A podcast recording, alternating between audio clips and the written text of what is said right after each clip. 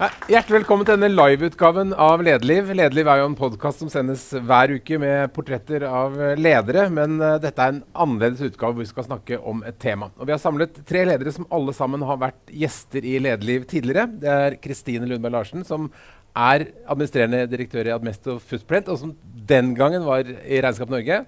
Gunnar Hovland, konsernsjef i Tine, og Kjell Olav Maldum, som er sjef i panteselskapet Infinitum. Hjertelig velkommen det skal handle om bærekraft og emballasje. Og bærekraft og, og, og, sirkulært er vel kanskje de ordene som brukes mest i Arendal.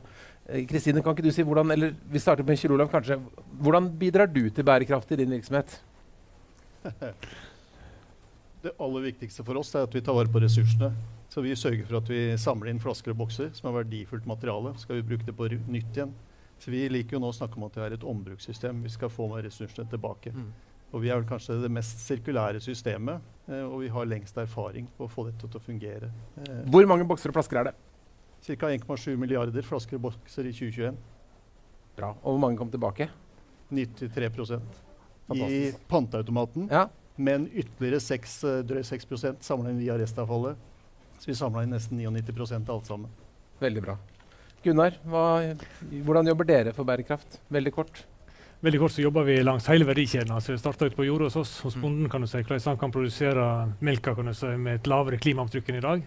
Vi gjør veldig mye der sammen med bonden. Og så har vi også i verdikjeden vår inne i industrien at vi både jobber med enøktiltak og med hvordan vi kan bytte ut en energikilde for å få ned klimaavtrykket på industrien, og tilsvarende på de bilene som går ut i butikken. Mm.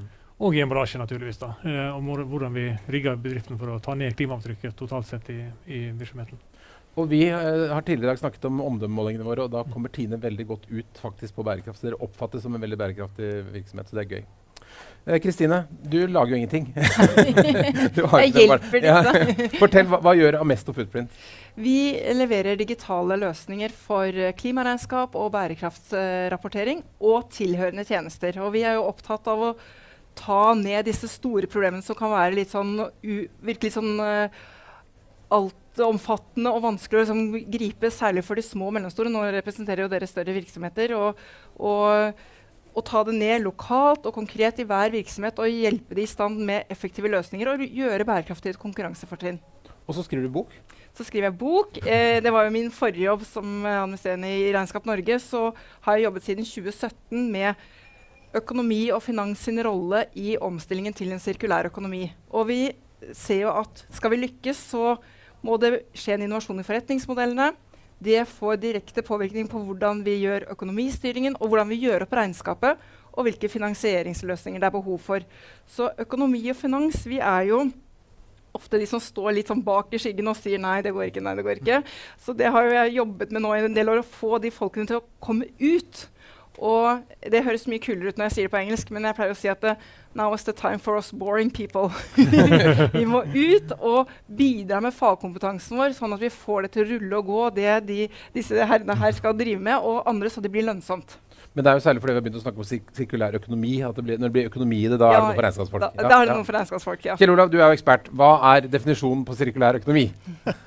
jeg er veldig glad for det spørsmålet. Vi hadde en eh, innlegg på en avfallskonferanse litt siden. Da sjekka dere for oss 10-15 eh, definisjoner. Ingen var sammenfallende.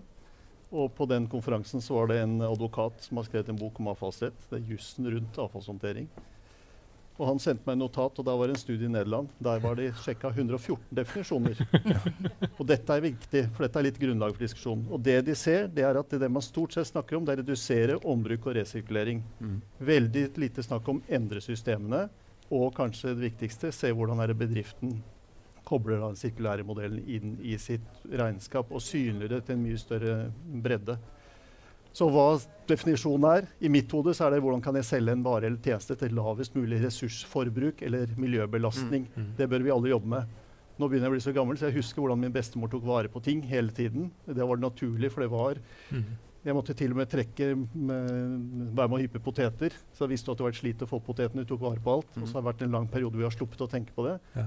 Mens nå må vi begynne å tenke på hvordan skal vi ta vare på ressursene igjen. For vi er ikke overskudd, og vi må være flinke. Og jeg synes jo Tine og det man jobber med der, er veldig viktig, for de sitter på den store delen av verdikjeden. Jeg har jo den lille som er bare emballasjen, men dette skal jo kobles sammen. Mm.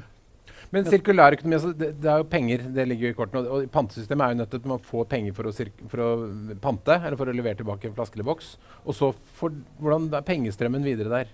Det som er viktig med pantesystemet, det er at drikkevareemballasje konsumeres på farten, mye av det. Mm. Og Derfor var det viktig for myndighetene å sørge for at vi ikke hadde forsøpling av drikkevareemballasje. Derfor har vi aldri slutta med pantesystemet i Norge. Men så må vi huske på at drikkevarebransjen er kanskje de eldste bransjene, for de var avhengig av å få tilbake flaskene.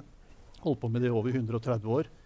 Tine hadde også glassflasker tidligere måtte ha tilbake og bruke på nytt. Mm. Og så hadde du en utvikling på 90-tallet hvor det gikk over til det man da kaller engangsemballasje. Som da Poenget var at du brukte den én gang, og så skulle den bare resirkuleres. Men man hadde ikke så fokus på resirkulering.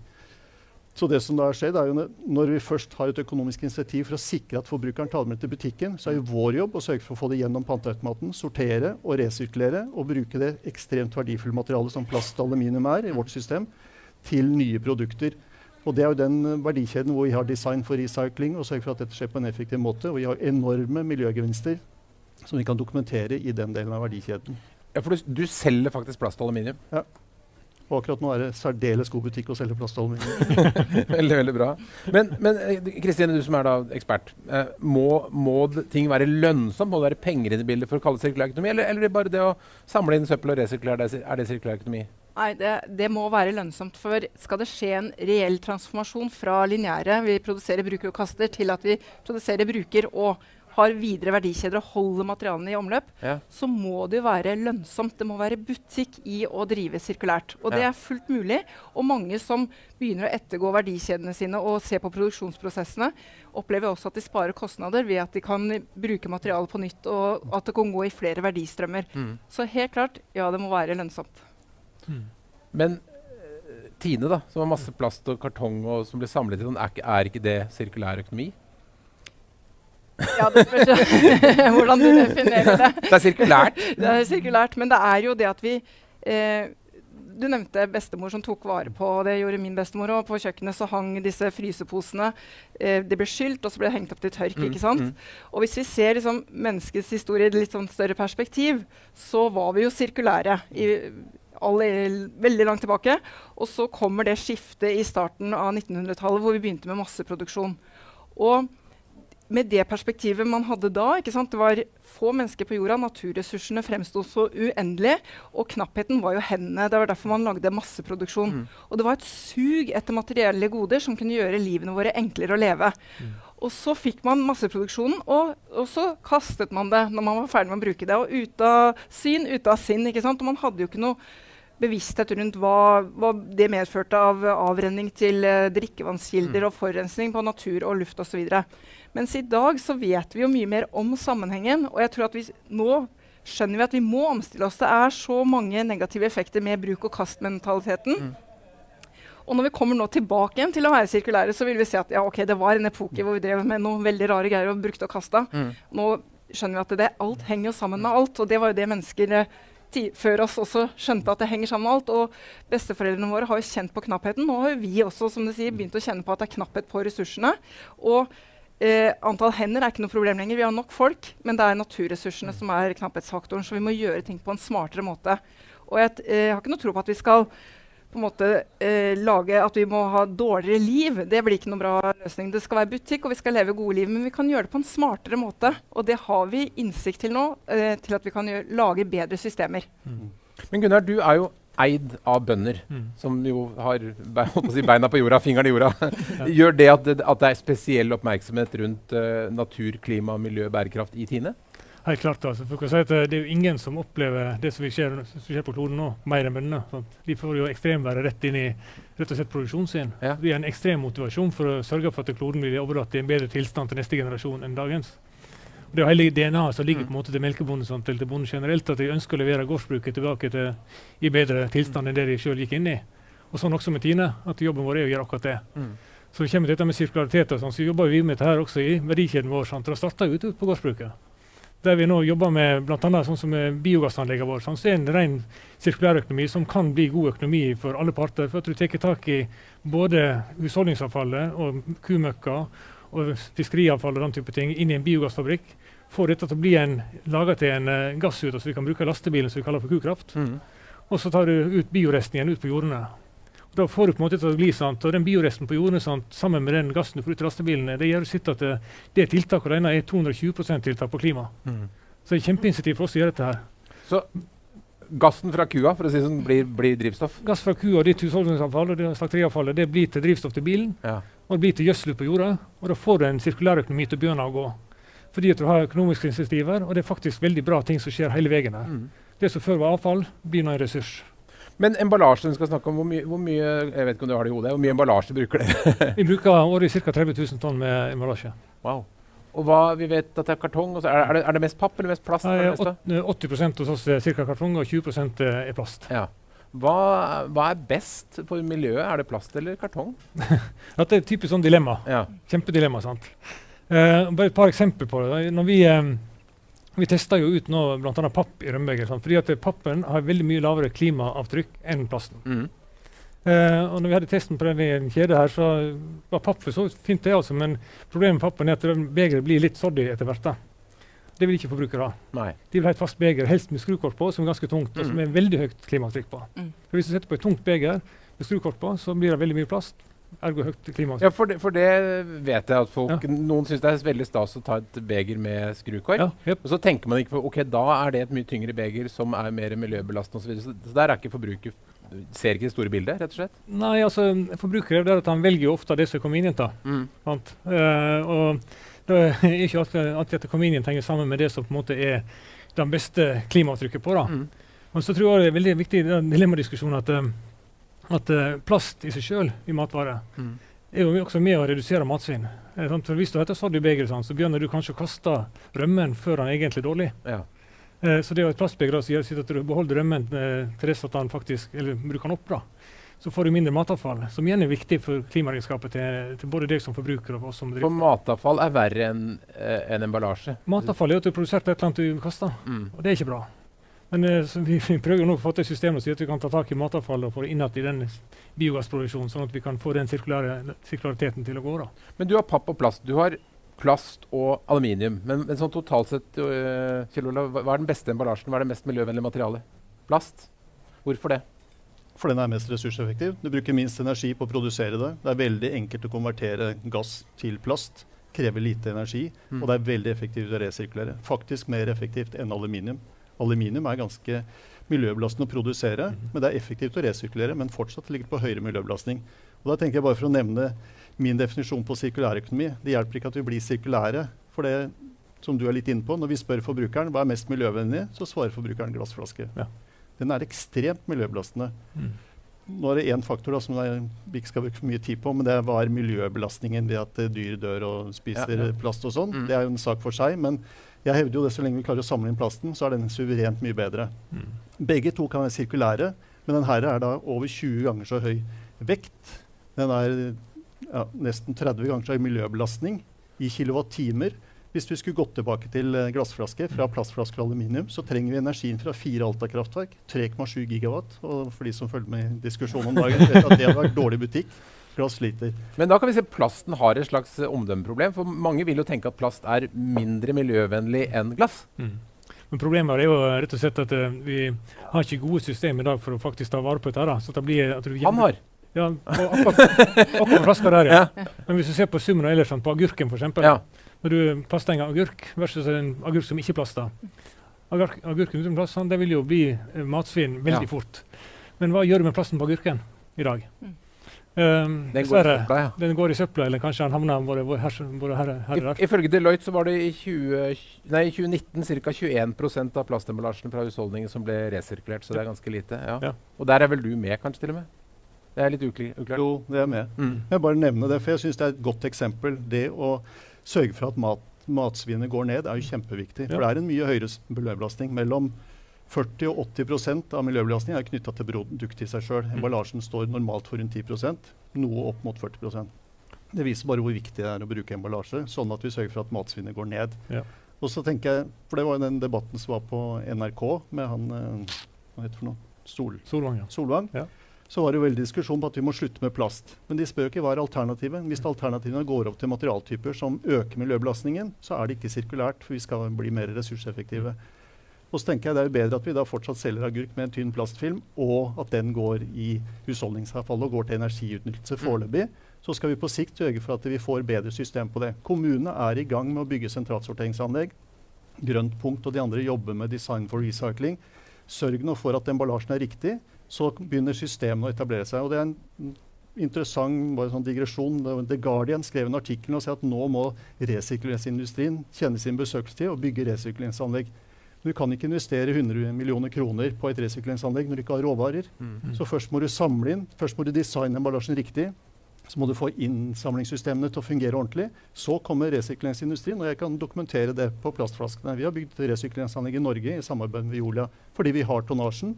Og det er interessant, og industrien, dvs. Si produsentene som eier oss, de vil gjerne ha den plassen tilbake. Da får du full fart i den sirkulære modellen. Mm. Så vi må liksom begynne å trykke riktig ende av verdikjeden. Men siden du er inne på dette med design for resirkulering, det er slik at dere eh, setter ganske strenge krav til en flaske for å ta den inn i systemet? Ja, Vi sjekker lim, etikettmateriale, korkmateriale og sånn, og sørger for at alt er i henhold til vår designguide, for at vi skal sørge for at mest mulig av den flaska blir en ny flaske. Når, den, når, du som forbruker har putta den inn i panteautomaten mm. Og gått gjennom mitt system, så er 98% av det materialet her kommer tilbake i en ny flaske. Ekstremt effektivt system. Mm. Og Det er mulig å oppnå, og det kan vi få til på mye andre områder etter hvert òg. Få design for resirkling, og så må vi jobbe med å utvikle innsamlingsløsningene. og så kommer resirkuleringsindustrien. Men kunne du tatt rømmebegerne til Gunnar òg? Så Vi har jo hatt et uh, prosjekt nå som, uh, sammen med kjedene faktisk, eller ja. kjede på hvordan vi skal ta tak i yoghurtbegeren og rømmebegeren hos oss da, inn i et resirkuleringssystem, så vi får på en måte brukt mer resirkulert uh, plast inn i, inn i våre beger også. Og Det stopper i prinsippet hos myndighetene, kan du si, fordi at uh, du får ikke brukt, uh, eller vi får ikke godkjenning for å bruke resirkulerte eh, begre kan du si, på en skikkelig måte uten at, som har vært i kontakt med annen mat. Ja. så det har vi på en måte en diskusjon som har gått mellom oss og kjedene, og vi er helt enige om at vi kunne fått til et system her. Men hvis vi stopper litt hos myndighetene på at vi kommer oss ikke i mål på at de tillater ikke bruk av emballasje som har brukt mot matvarer, innad i nye matvarer. Men det kommer kanskje til hvert? Det satser vi på. Ja. Ja, og det er jo en veldig sånn treghet når det gjelder regelverksutviklingen. Og det er jo nettopp det vi mm. ser på mange andre områder. For å få lønnsomhet f.eks. i de sirkulære forretningsmodellene, så trengs det utvikling i både regnskapsregler, skatt og avgift. Det finnes ikke i dag noen regnskapsregel internasjonalt for verdsettelse av brukte materialer i balanseregnskapet. Dvs. Si at oppstartsvirksomheter som nettopp starter med å bruke materialer i sin business, de eh, havner i gjentagende diskusjon med långiver eller investor på hva er verdien av varelageret, og det påvirker verdsettelsen av selskapet og muligheten til å hente inn kapital. Så det ligger noe sånn derre litt kjedelige ting under der. Også med som du sier, hvordan er regelverket i dag på å bruke eh, brukt emballasje i matvarer. Nå er det jo Teknologien går så fort, og vi har renseteknologi og masse som gjør at det er mulig å bruke ja. brukte materialer i matvareemballasje. Men regelverket henger ikke med, samme som vi ser på skatt- og momsregler når det gjelder brukte varer og, og materialer. Men du, så, ja. men, men du, jobber da i selskap som skal eh, lage gode rapporter. Ja. Og så er det masse sånne standarder, og ord og uttrykk og taksonomi og denne. Kan, kan du forklare kort hva, hva, hva, er det man egentlig er nødt til å rapportere? Ja, det, og, og, hva skjer? Ja, Det er jo som vi nå har vært inne på, det er en stor kompleksitet. Det er masse dilemmaer. Så vi må på en eller annen måte klare oss å skjære igjennom og så lage standarder og begynne å rapportere på hele virksomheten. Nå rapporterer vi bare på det vi kaller internalitetene, økonomien. Mm. Det som skjer inni virksomheten. Lønnskostnader, varekostnader osv. Når vi begynner å måle miljøavtrykk, CO2-utslipp, hvor mye vi gjenbruker og, og, sirkulerer, så får vi datapunkter som vi kan begynne å rapportere sammen med den finansielle rapporteringen. Og det er den veien vi må gå, for da får vi det hele bildet av virksomheten. Når vi snakket om det i sted, er det de, de snille gutta eller de snille, eh, slemme som, som, vinner. Og i dag er det ofte de kortsiktige modellene som går på utnytte ressursene, ta mest mulig marginer, som ser mest lønnsomme ut, og som blir vinnerne. Mm. Men idet vi eh, inkluderer alle dataene rundt den virksomheten, så vil jo de mer langsiktige bli vinnerne, fordi at de har et, en, bæ en bærekraftig forretningsmodell som lever videre, og som samhandler med omgivelsene sine. Mm. Så det å på en måte klare å skjære gjennom, finne disse datapunktene Vår digitale løsning tar jo utgangspunktet i regnskapet, som er et speilbilde av den økonomiske aktiviteten. Trekker ut og lager klimaregnskap ut fra det, den aktiviteten du har i virksomheten din. Og det vil si at Du kan ikke sitte og finne på noe tall og, og rapportere som du vil. Det er harde fakta. Men hvem er det som er nødt til å rapportere sånt? Ja, eh, I dag så er det jo nå er det jo først finans og de store børsnoterte ikke sant, som skal begynne å rapportere på taksonomien nå i 2023 for regnskapsåret 2022. Men eh, det kommer jo for de små, og, og, der ser vi også at det risler nedover i Når de store begynner å rapportere, sånn som Tine og er flink til å gjøre bærekraftsrapportering, så begynner jo de også å stille spørsmål til Når de har rydda i sin uh, verdikjede, så begynner de å stille spørsmål til leverandørene, underleverandørene, mm. og det er ofte små og mellomstore virksomheter. Sånn det, og det ser vi på bank og finans også. Når de skal begynne å rapportere på sine porteføljer, så må de jo hente inn data fra kundene sine og de selskapene de har investert i. Mm. Så der virker også markedet egentlig fortere mm. enn regelverksutviklingen. Men sånn i dag, det er veldig lett for meg å gå på nett og finne ut som er, hvem som tjener mest penger av Tine og Q f.eks. Men det er ikke så lett for meg å se hvem som er mest bærekraftig. Vil jeg i fremtiden kunne se det lettere? Ja, og det er det, er det vi alle gleder oss til. og nå må vi tenke på at vi har Regnskap Vi har holdt på med finansiell rapportering i hundrevis av år. Det begynte med Luca Pacchioli i 1494, som fant opp debet og kreditt. Så det har vi veldig sånn, vi har holdt på en stund med det. Og så er det lett å si at det, ja, det fungerer ikke med bærekraftsrapportering, for vi klarer ikke å få nok transparens, og vi klarer ikke å få sammenlignbarhet, fordi at man plukker og velger litt. Men vi må bare komme i gang, og så vil det bli en vi ser allerede at uh, noen av de store uh, det blir konsolidering. De slår seg sammen. Og så vil det til slutt bli noen standarder som blir gjeldende. Og EU ligger jo i førersetet her, og med taksonomien og det mm. rapporteringsdirektivet som kommer i kjølvannet av det. Mm. Og da har man jo fått et objektivt klassifiseringssystem. Hva er innafor bærekraft, og hva er utafor? Mm. Så det er egentlig ikke så veldig langt frem i tid, så, så begynner det å stramme seg til, og vi får bedre verktøy. Og jeg gleder meg til når vi, når vi, kjøper et produkt, og så kan vi se på næringsinnholdet bakpå produktet, mm. at vi da også kan se på eh, fotavtrykket. Mm. Og det tenker vi at vi skal være med å hjelpe til, sånn at man kan begynne å rapportere på fotavtrykket på de enkelte produktene. Og da hadde kanskje ingen valgt glassflasker? Nettopp. Og da hadde man også som forbruker kunne skjønne at det der med skrukork det har et mye større fotavtrykk enn det andre begeret mm, mm, uten mm, skrukork. Og da kan jo jeg som forbruker ta litt sånn opplyste valg. Visste du det? Jeg visste ikke det. Jeg hadde ikke tenkt på det. Så det var veldig opplysende. Nå skal jeg aldri kjøpe noen. Men Kjell Olav, du, du, har et veldig vellykket system. da. Du, du, får jo eh, besøk fra hele verden, folk som skal se på det norske pantesystemet. Er det noe som uh, man kan kopiere i større skala? Skal, kan det liksom bli pant på alt? Eller hva kan man lære av pantesystemet som kunne vært brukt på andre fraksjoner, som det heter? Spennende. Du spurte akkurat om vi kan pante yoghurtbegre. Mm. Nå hadde vi en diskusjon i styret for to og et halvt år siden, før koronaen, og så stoppet opp. og Nå hadde vi det i juni igjen. Og det er Grunnen til at vi nå har diskutert i styret, er kan vi tilby, for vi sitter med en veldig effektiv logistikk. For vi henter jo fra alle butikker og alle utsalgssteder i Norge. Vi har 15 000 hentepunkter som vi håndterer hver eneste dag. Og det er klart det går an å ta inn mer der. Så nå har vi fått forespørsel både fra noen kjeder og fra merkevareeiere. Kan vi få lov til å komme inn på ansystemet? Det er et kompliment for oss, men vi ønsker å se på det, gjerne i samarbeid med Grønt punkt. og sånn. Se hvordan kan man da utnytte den muligheten som vi har ved at man kan bruke teknologien som Tommer har med automater, og vår veldig effektiv logistikk. Mm. Så det er et spennende område, og vi syns det er interessant. Vi ønsker å tilby og bidra til at vi kan jobbe på flere områder. Og da får du en god design. Så kommer eh, resirkuleringsbedriftene opp og begynner å få dette i gang. Og så klarer vi å ordne dette med matkontakt. For det har man fått til på PET nå i 20 år. Ja, ja. Det er fullt mulig å få til. Og HDPE er også mulig å få til. Ja. Der er testprosjekter. Dette, HDP og PET er ulike plasttyper, altså? Ja. ja. Bra du rydder opp det. det bare en liten kjepphest, for vi snakker om dette med regelverket. Ja. Og som jeg sa, Drikkevarebransjen har vært sirkulær hele tiden, for de måtte få tilbake flaskene som ble vaska. Og så gikk man over til det man har kalt engangsemballasje, som er resirkuleringsemballasje. Og så la alle land i verden ned pantesystemet, unntatt i Norden. Og i Norden så skyldtes det at det var noen politikere som frykta at dette kom til å bli et forsøplingsproblem. Så de skjønte det da lenge før resten av verden. De andre nordiske land så ble det et pålegg og sa at vi skal bare fortsette med pantesystem. Men i Norge så hadde vi Torbjørn Berntsen. Og må bare fortelle det, for han sa jo da til næringslivet at nå kan dere velge hvilken emballasje dere ønsker, men dere må samle det inn Eh, og dere må dokumentere hvor mye dere samler inn. Hvis de ikke gjør det, så kommer det til å bli en kjempehøy avgift. Vi kaller den miljøavgiften. Og den er degressiv. Jo mer du samler inn, jo lavere er avgiften. Og for meg så er det genialt, for da har vi en politiker som for det første hadde tillit til næringslivet, og så var overbevist om at næringslivet er bedre på innovasjon og utvikling enn politikerne. og så sier han at eh, problemet er forsøpling. Det vil jeg ikke ha noe av, så det skal koste skjorta hvis det forsøpler. Men hvis dere lager noen løsninger, så skal vi redusere kostnaden. Det savner jeg litt i dag. I dag for, for mye politikere som bestiller teknologi og valg. Så man må tenke litt følge med på EU. Jeg ser at innimellom så går man i den fella og sier at man ønsker da for å vise handlekraft, så velger man teknologi. Jeg tenker Tine med det nettverket og det systemet har mye større forutsetning for å utvikle videre. Men da må man prøve å si, stille krav fra politisk hold som ikke definerer hva de skal jobbe med. Mm. Bare for å påpeke Det det er veldig godt med glassflaske men du skal ikke ha det på store volum. Så er det å se liksom, hvilke materialer bruker vi hvor, og hvordan skal du gjøre det på en fornuftig måte. Mm. Og det ser vi jo i Norge. da, hvor Vi har fortsatt glassflasker på det jeg kaller Rolls-Royce-produkter.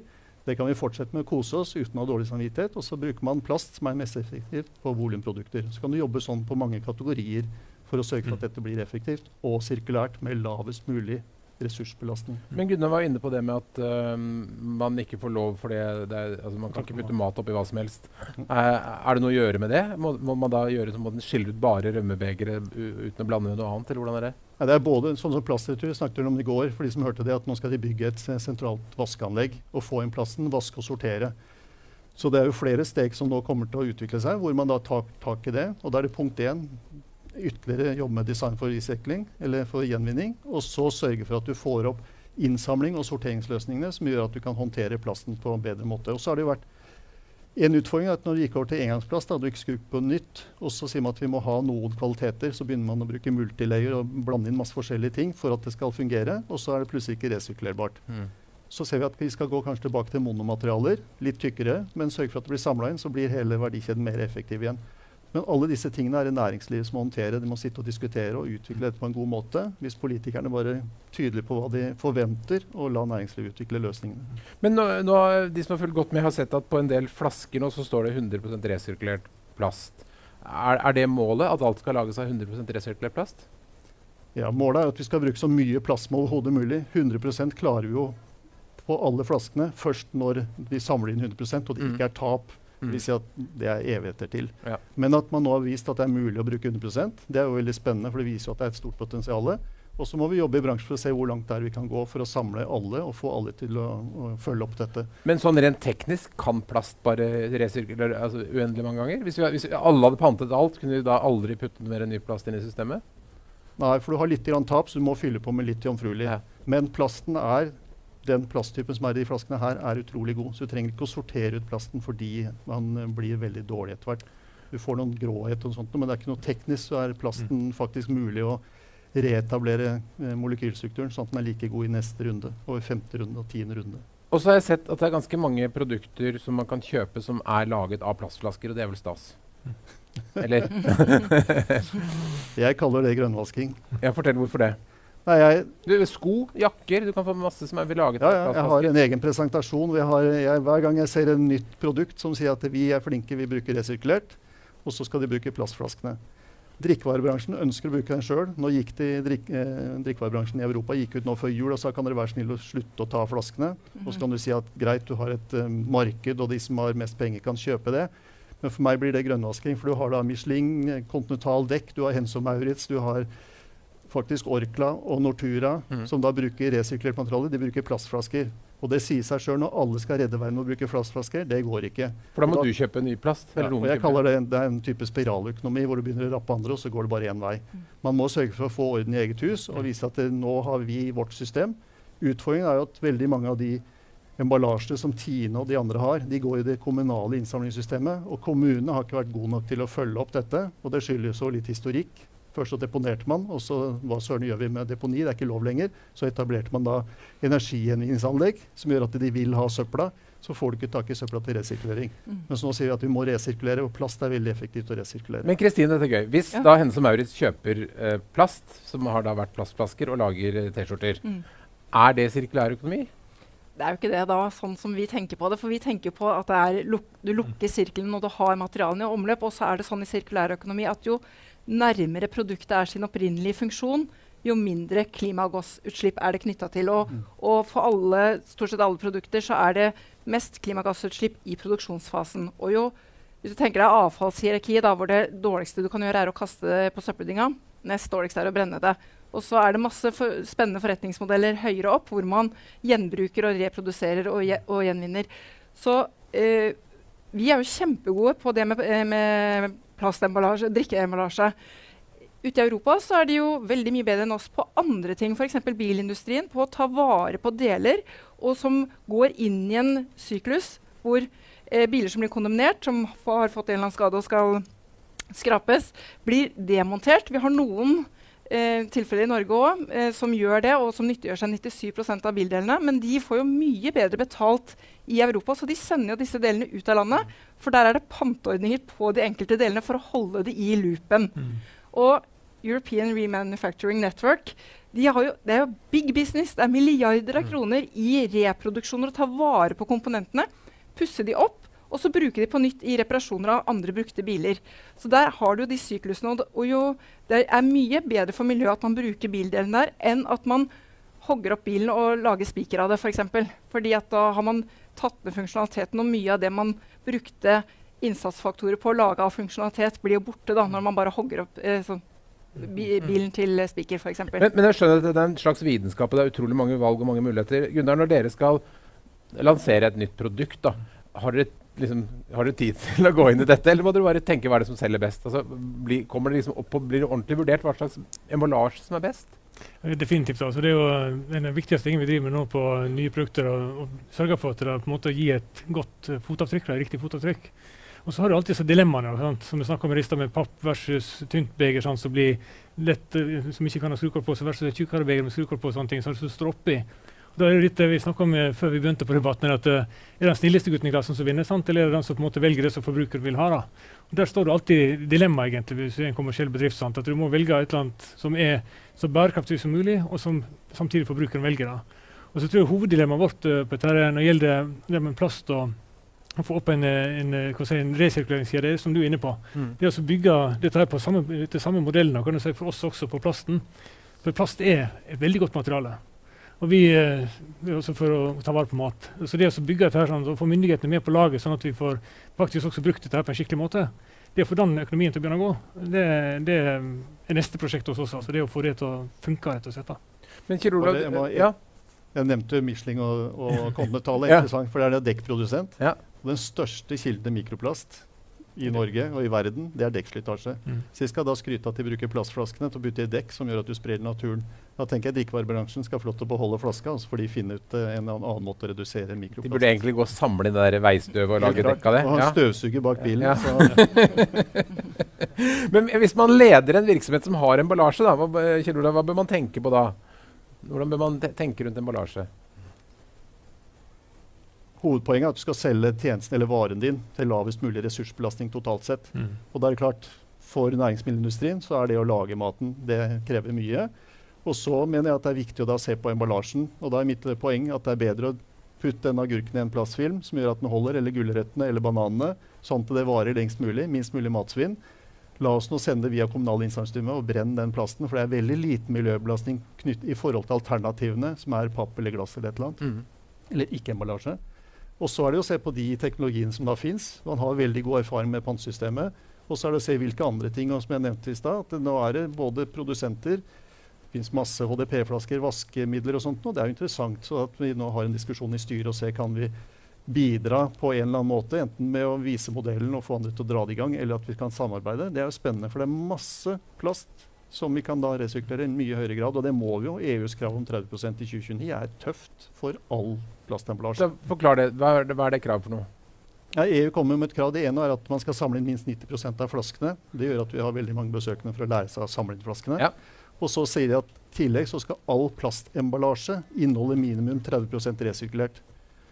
Disse kan inneholde 100% men 80-90% Men du har da veldig mye emballasje som både av regelverksgrunner at du ikke får lov til å bruke resirkulert, så det er jo en egen sak. Men så har du da veldig manko på materialet. Det fins ikke nok, og det er fordi de kommunale systemene de brenner plasten eller klarer ikke å sortere det på en god måte. Men det betyr vel at det blir mer lønnsomt for de kommunale systemene for eksempel, å, å klare å tilby resirkulert plast? Da, det gjør det. Så det kravet til EU er kjempeviktig, for mm. det gjør at Produsentene må designe emballasjen. Det er faktisk mulig å gjøre noe. Og så må kommunene, og de er jo i gang enkelte steder, bygge sentralsorteringsanlegg, finne ut hvordan vi skal få sortert det, og så bygge plastretur vaskeanlegg for å, plast, for å, vaske og sortere plasten. Og så bør man redusere antall plasttyper, sånn at man kommer opp med resirkuleringsvirksomhet og har et godt grunnlag. Mm.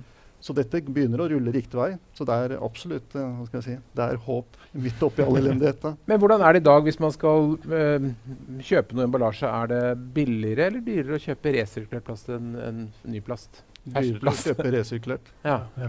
Er det noe av grunnen til at det ikke brukes på resirkulert? Det er grunnen til at det tidligere ikke er brukt. Nå er jo hva skal jeg si, det er enorm etterspørsel. Bare se på prisene nå, så er det ikke noe problem. Og de siste årene har det vært lett. å- og vi har aldri hatt problem med å selge vår plast, for den er av god kvalitet hele tiden. Prisene nå er bare ekstremt mye bedre. bedre. Så, men i en normal situasjon, da, før man virkelig begynte å sette trykk på dette med sirkulærøkonomi, så var realiteten at det var nesten ikke lønnsomt å kjøpe noen av emballasjematerialene tilbake, fordi innsamlingskostnadene er høy.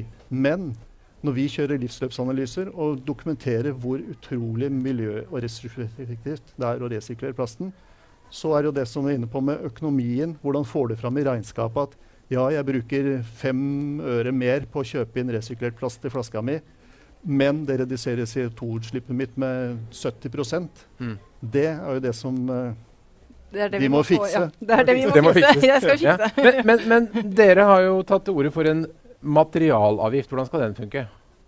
Da bruker vi egentlig Vi snakker om pantesystem versjon 2.0. Da bruker vi Berntsens uh, konsept. Vi har sagt at bransjen er eller villig til å gjøre om en avgift vi har i dag, som heter Mm. grunnavgift, til en materialavgift. Og si at har du null andel resirkulert, så skal du betale en avgift per flaske.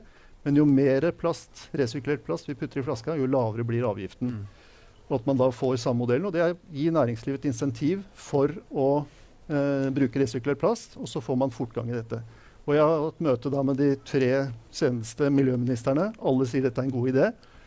Så er det det som er synd med sånne forslag til politikerne, at de ikke, har en gevinst for sitt eget parti, så skjer det ikke noe. Vi har holdt på med det nå siden 2014 og prøve å få opp den materialavgiften. Og hele drikkevarebransjen har jo støttet dette, og Virke var ute senest i går tror jeg, og snakket om det på nytt igjen. Her ligger det et ferdig konsept for å vise hvordan man kan få fortgang i dette for Mm. drikkevarebransjen. Og sikre at de får et insentiv for å gjøre dette hele tiden. Du sa i stad hvor mange flasker du har, og så sa du at du sparer mye plast, selvfølgelig olje og sånn, men, men det er en stor energibesparelse også, er det det? Ja. For du var inne på noe Alta-kraft. Ta, ta, gi meg det tallet der. Hvordan var det? Ja, Alta-kraftverket, det er noe, Hvis vi hadde bytta ut alle plastflaskene og, og aluminiumsboksene Ja. med glassflasker, Ja. så trenger vi fire Alta-kraftverk bare i energi for å produsere glassflasker. Men det kommer du ikke til å gjøre? Det skjer ikke. Nei. Men effekten at vi samler inn plastflaskene og aluminiumsboksene, og det blir mekanisk resirkulert, det gjør at vi sparer over en terawatt-time. Og med fem kroner, eh, fem kroner per kilowatt-time så snakker vi om fem milliarder i besparelse. En terawatt, altså Norge bruker 120 terawattimer totalt, tror jeg. Ja, Så sånn nesten, en, nesten en prosent av Norges strømforbruk er spart gjennom panteordningen. Helt riktig. Kult. Ja. Nå blir det mange tall. Mm. Eh, hvis vi eh, altså, nå, nå, Forbruker må jo åpenbart bidra med å velge riktig. Er det gode nok merkeordninger? Gunnar, bru, bruker dere liksom ressurser på å fortelle til forbruker hva som er best av emballasjen? Nei, altså, det står ikke veldig, altså, Vi har i dag ikke egentlig godt nok system på det. Vi har satt på nå på rømmebegeret vårt at det har 50% resirkulert plast i seg. for Vi har fått en ordning på det. sånn at det, det vi lanserte nå i, i februar. da. Ja. Uh, så det er ikke gode nok ordninger på det i dag. Og jeg er helt enig med deg at eh, det må vi få plass, standarder på plass. sånn at eh, vi alle sammen merker på samme måte, og sånn at uh, forbrukerne gjør liksom opplyste valg. da, Basert mm. på at vi faktisk takserer det vi driver med på lik måte. Mm. Ikke sånn som nå at eh, veldig mange bedrifter velger sin egen måte å merke på ut fra hva som selger sine varer. Uh, så det er på en måte en veldig viktig del av eh, det å få på plass. Og hvem skal ta det ansvaret for å få gjort det? Jeg tror, Vi vet jo at taksonomisystemet til EU kommer jo med den type krav inn til oss nå, sånn, så vi må faktisk implementere. Og Det er veldig bra at du får en overordna statlig myndighet som sier at sånn skal det faktisk være. Mm. Basert på vitenskap kan du si, og forskning som sier at dette er faktisk den måten som miljøavtrykket er på plasten, pappen eller hva det måtte være for noe bortover. da. Og Da kan du som forbruker ta mer bevisste valg også, tenker jeg. Men ser du noe på Det er vel kanskje vanskelig med ut fra salgstall og sånn. Virker det noe på forbruker å vite at noe er mer miljøvennlig enn noe annet? Altså vi så når vi lanserte, altså testlanserte med papp, for eksempel, så så vi at det, vi fikk en veldig god mottagelse på det begeret helt i starten. Til det satte folk liksom fikk et beger som ble litt for soddy etter to-tre ukers tid. Ja. så gikk jo salget andre veien. for å si det Sånn. Ja, ok. uh, så Så folk det, kjøpte det bare én gang? ja, det ble jo den eh, typen eh, effekt ut av det. Ja. Men du kan si, det vi ser veldig tydelig på i landbruket, som egentlig tilbake til det du sa med å bruke opp igjen ting i samme kjeden. da. Og det, det har vi gjort på landbruksplast. Altså, Ja. vi, alle ser jo rundballegger rundt på jordene rundt forbi. Der har vi en sorteringsgrad som er på samme nivå som de har på plasten her. Sant? Og det, at du får den kjeden til å gå sånn at de, får betalt for å levere inn dette her. Vi baller sammen i rundballer, og de kommer, tilbake som landbruksplast på nytt igjen. akkurat Mm. samme plasten. Mm. Og Da går det inn her i samme kjede som vi snakker om på plastflasker her. Og Det er det samme vi ønsker å få til på yoghurt, rømme etc. bortover vi, og sikkert helt for agurkprodusenten også til slutt. da. Veldig bra. Men øh, nå, man blir jo litt sånn nede i detaljene, og det, det blir litt nerdete. dette, Men hvor mye betyr egentlig sirkulær emballasje i det store bildet? Er det, er det viktig? Altså, vet du noe om det? Er, det? er dette et viktig samfunnsproblem? Ja, det er ikke jeg noe fagekspert på. han sa jo det, han sparer en terawatt Ja, terawatt-time, da. Ja. du- ja, og, det, og det vi vet at det er mest CO2-utslipp knyttet til når man produserer det første gang. Og jo høyere opp og nærmere den opprinnelige bruken vi kan bruke materialene, jo mindre klimagassutslipp er det. Mm. Sånn at det, sånn intuitivt så er jo svaret ja. ikke sant? At vi holder materialene i omløp og ikke kaster det eller uh, brenner det. Så, um, og så er det jo eh, det, sånn at all endring gjør vondt. Det der begrepet 'forandring fryder', jeg vet ikke hvem som fant på det. Men min erfaring med mange år som leder er at alle endringsprosesser gjør vondt. Og, og jeg har jo sett det også når vi har jobbet i den sirkulære regnskapsklyngen og andre prosjekter, at vi kan jo vise at det her er fornuftig å gjøre. Men virksomhetene har bygd opp sine verdikjeder, sitt distribusjonsapparat, og alt er jo laget etter en lineær logikk. Og selv om det er fornuftig å gjøre det, og det, og det kan også være lønnsomt, så er det, det er mange rundingsbøyer her, og det gjør vondt. Og hvis du tenker deg den grønn vekst-trappen, at fra at man går fra litt sånn filantropiske, gode gjerninger ute der, til å bli miljøfyrtårn-sertifisert, til å begynne å se på sin egen verdikjede, og øverst der at man innoverer hele forretningsmodellen. Så jo høyere opp det kommer, jo vondere gjør det. For det er mer endringer skal det gjøres i organisasjonen. Og derfor så tror jeg det er man må få noe, uh, noe insentiver, både pisk og gulrot, men det med noe avgiftssystem, felles standarder og regler som gjør det sammenlignbart og transparent, Mm. det, er, det er liksom ting som må til for å få oss liksom i, ordentlig i gang, tror jeg. Det, har jo vist, seg- det, det fungerer jo på panteløsningen med drikkeemballasje, så, så det er jo et godt eksempel Mm. på at eh, man lager et system, og så er jo næringslivet utrolig flinke til å tilpasse seg reglene som kommer. Og bare det er forutsigbarhet og det er like konkurransevilkår for alle, så får man jo eh, hjula i gang. Men hvis, hvis vi runder av da litt her nå, så er vi, vi, nå er vi Arendalsuka 2022. På Arendalsuka så blir jo de samme temaene ofte resirkulert. Men hvis vi, hvis vi kommer hit i 2032, da, om ti år, hva bør ha skjedd da, Kristine? Og dere andre som svarer det samme. Ja, da, eh, da tenker jeg om ti år, når Ja. vi står her da, så, eh, så snakker vi om eh, fullt integrert eh, rapportering. At eh, de bærekraftige dataene har like stor verdi som eh, de finansielle dataene. Blir gitt like stor vekt. Vi har felles standarder, og det er ikke 200 forskjellige standarder. det er et par, Noen for de store og noen for de små. Og så eh, har EU skåret gjennom med taksonomien, og vi har et felles rapporteringsverk. Og vi har løfta veldig mange produkter opp i avfallshierarkiet og har masse spennende forretningsmodeller hvor vi gjenbruker de materialene vi allerede har Mm. tatt ut naturressursene og produsert. Hva tenker du bør ha skjedd om ti år, Gunnar? Altså, drømmen er jo at vi Slutt på skrukorker i Rømmeegget. For eksempel. Ja. Ja, drømmen er jo at eh, hvis du bygger, helt enig med det du sier, altså, men hvis du tenker end of the day, sånn, så nå har vi jo brukt opp årets altså Hvis du ser på miljøregnskapet eller bærekraftregnskapet for Norge, Mm. eller vestlige verden, så har vi brukt opp eh, årets ressurser sant, i mai-juni. stort sett da. Og Målet vårt er at vi faktisk kan ha et bærekraftig år. da. At vi faktisk gjenbruker såpass mye at vi kan stemple oss selv i panna og si at vi faktisk har en bærekraftig økonomi. Der vi har også resirkulert på en slik måte at vi faktisk kan eh, drive med dagens forbruk, eller det forbruket vi har, et helt år. Ikke bare seks måneder. For Vi ligger jo kraftig på etterskudd nå, kan jeg si, på måten at vi, den, den lineære økonomien sånn, kaster såpass mye Mm. Mm. at vi er tom for ressurser i praksis på kloden etter seks måneder hvis vi ser ikke forbruket som vi har nå. Og da blir all kumøkk utnyttet til kukraft. For eksempel. Ja. Kjell Olav, hva bør ha skjedd om ti år? Da vil jeg trekke sammenligningen med det at man skal lukke og si at eh, drikkevarebransjen tar vare på sin emballasje. Og så får Hennes og Maurits lære seg å resirkulere sine klær osv. Og så må vi se på nasjonalstatene, for når det blir sendt for mye rundt omkring nå Jeg syns det er skrekkelig når NRK har en reportasje hvor vi da riktignok på litt shady business, men sender elektronikk til eh, fattige land hvor de sitter og hogger opp ting. Det var selv i Bern hvor vi satt og diskuterte hvordan man skulle begrense eh, vestlig verdens eksport til fattige land. Det har vi helt garantert sluttet med. Eh, og så sørger vi for at vi får disse modellene til å fungere mye bedre. Og så er jeg helt sikker på at vi fortsatt har pantesystem i 2032, og at det er flere ting som går via pantesystemet. Og alle panter alt alltid. Ja. Ja. Bra avslutning. Hjertelig takk for at dere kom til Lederliv denne gangen.